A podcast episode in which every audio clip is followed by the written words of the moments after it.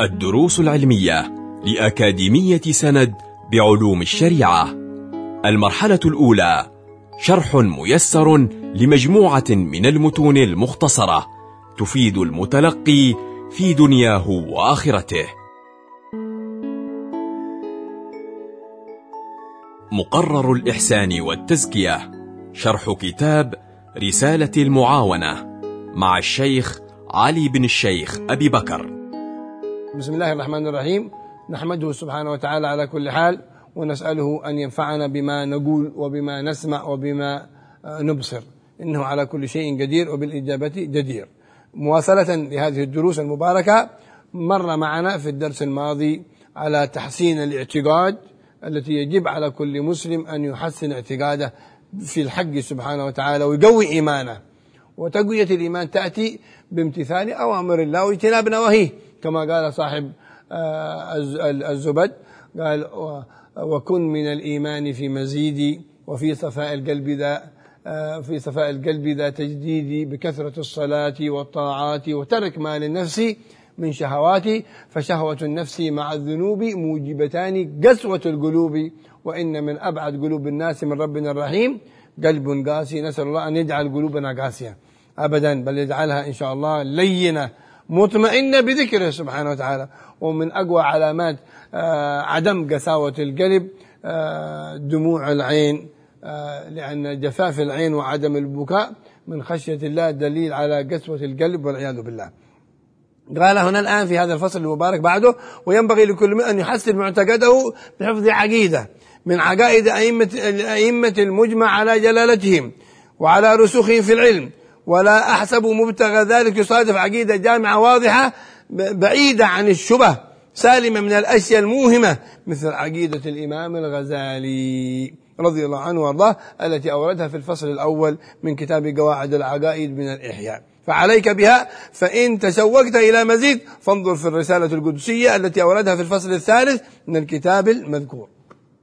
إذا فهم الإنسان هذه العقيدة المباركة التي جمعها الإمام الغزالي في بداية كتابه إحياء علوم الدين يكفي ذلك أن يعتقدها الإنسان رجلا أو امرأة كبيرا أو صغيرة بها يثبت إيمانه ويعرف ربه سبحانه وتعالى. وكما علمنا وتيقنا أنه إذا قوي الإيمان وقوي الارتباط بالرحمن أحسن الإنسان التصرف فيما يقوم به وهذه التصرفات. لماذا نكثر الكلام على أن يكون الإنسان يحسن التصرف يحسن التصرف يحسن التصرف فيما يسمع فيما يقول فيما يبصر؟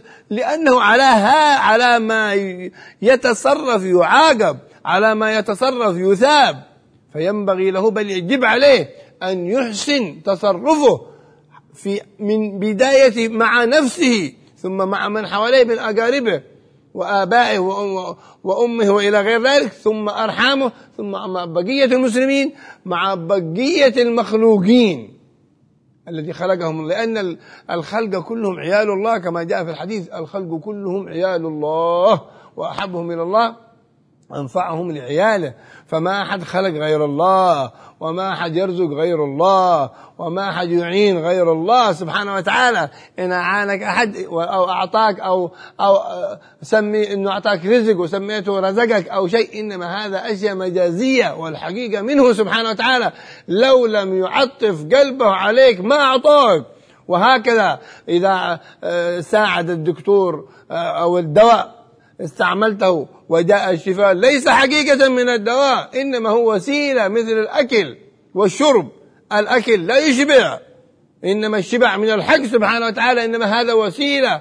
والماء لا يروي بذاته إنما هو وسيلة. والري من الحق سبحانه وتعالى. وهكذا وأمثاله الدواء أو الدكتور لا يشفي. إنما هما هما وسيلة.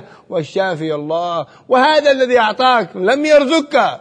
إنما هذا وسيلة والرازق هو الله إلى غير ذلك. هكذا ينبغي أن يطمئن قلب الإنسان لكن لما يفهم أمثال هذه العقائد عقيدة الإمام الغزالي أو هو الإمام الحداد رضي الله عنه ونفعنا به جمع عقيدة مختصرة ميسرة ينبغي أن يحفظها الإنسان ويحفظها أهله وأولاده. أو كذلك مثل عقيدة, عقيدة الإمام الشيخ علي بن أبي بكر السكران التي تقرأ عندنا هنا في هذه البلدة تقريبا مساء في كثير من المساجد وهي عقيدة مجملة ومختصرة يحفظها الكبير والصغير بها يثبت الإنسان على الإيمان ويحبه الرحمن سبحانه وتعالى. قال ثم ولا تتوغل في علم الكلام. ولا تكثر الخوض فيه لمجرد طلب التحقق في المعرفة فإنك لا تظفر بهذا المطلوب من هذا العلم. ولكن كيف؟ ليه؟ لأنه لما تريد أن تعرف هذا الأمر وهو قضية العقيدة بل, بل حتى معرفة الحق سبحانه وتعالى اعرف صفاته أعرف أفعاله سبحانه وتعالى. ها؟ أما ذاته فهو مقدس عن أن أن أن يعرفه أحد. ها؟ حق المعرفة. أبدا.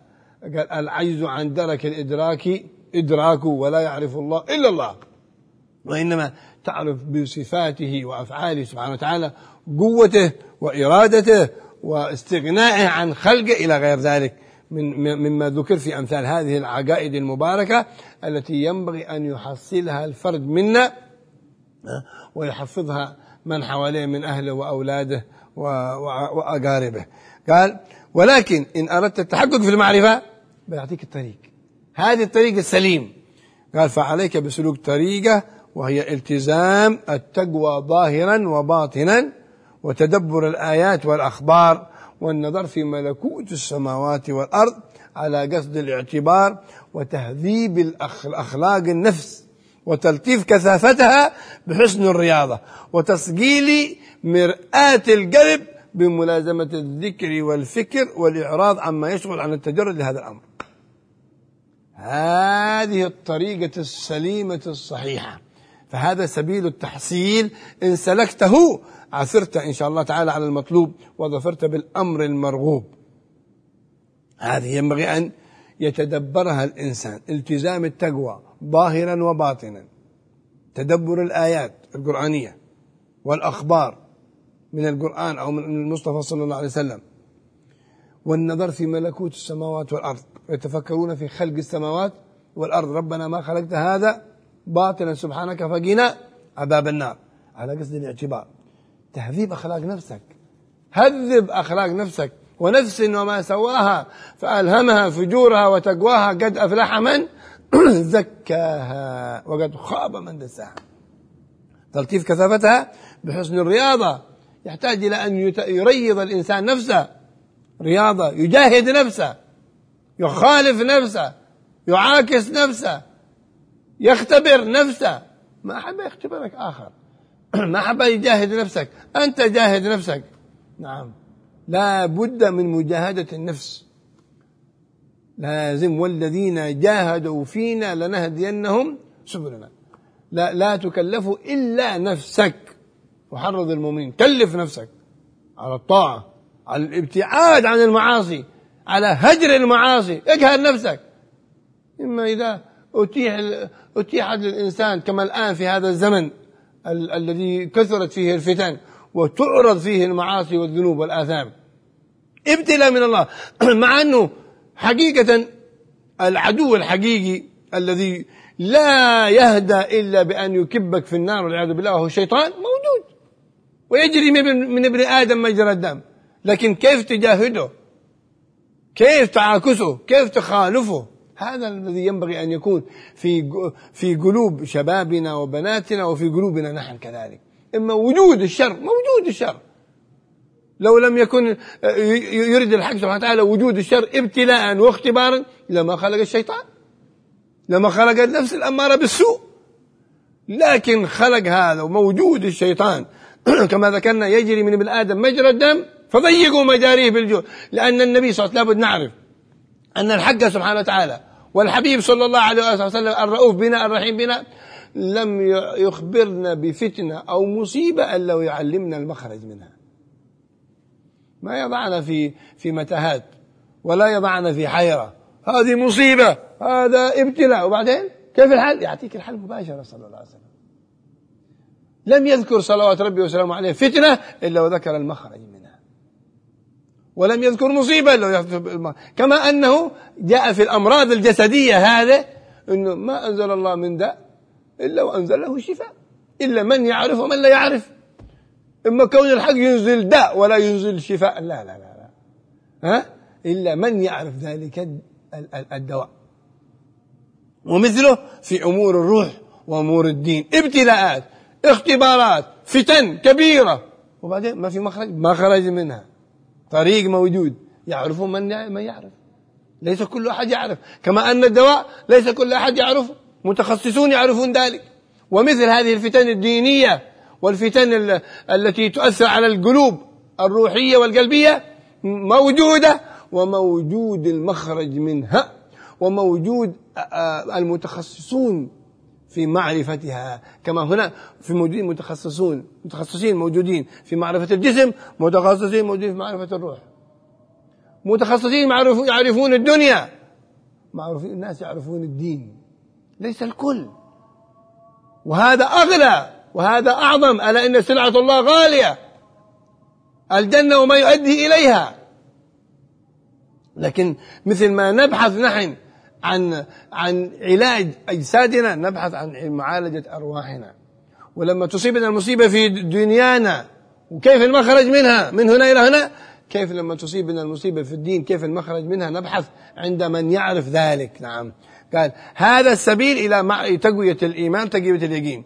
قال إن سلكته عثرت إن شاء الله على المطلوب وظفرت بالأمر المرغوب. والصوفية رضي الله عنهم وأرضاهم إنما جاهدوا نفوسهم وبالغوا في رياضتها وقطعوها عن عاداتها ومألوفاتها لعلمهم بتوقف حصول كمال المعرفة على ذلك.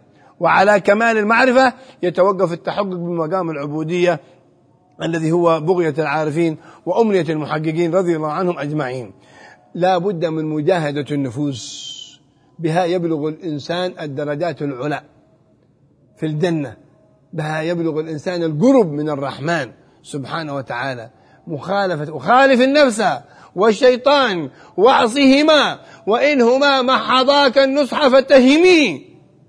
لو أخلص لك لو ظننت أنهم أخلصوا لك في النصح اتهمهما فإنهم لا يخلصون. ما يخلصون أبدا. نسأل الله سبحانه وتعالى أن يعيننا على تهذيب أنفسنا وعلى مخالفتها وعلى تطهيرها حتى نكون من الصالحين المقربين منه المحبوبين عنده سبحانه وتعالى. إنه ولي ذلك. وصلى الله على سيدنا محمد وآله وصحبه وسلم. والحمد لله رب العالمين. كنتم مع الدروس العلمية لأكاديمية سند بعلوم الشريعة. يمكنكم متابعة جميع الدروس عبر موقع الأكاديمية وتطبيقاتها الإلكترونية. سند علم سلوك دعوة.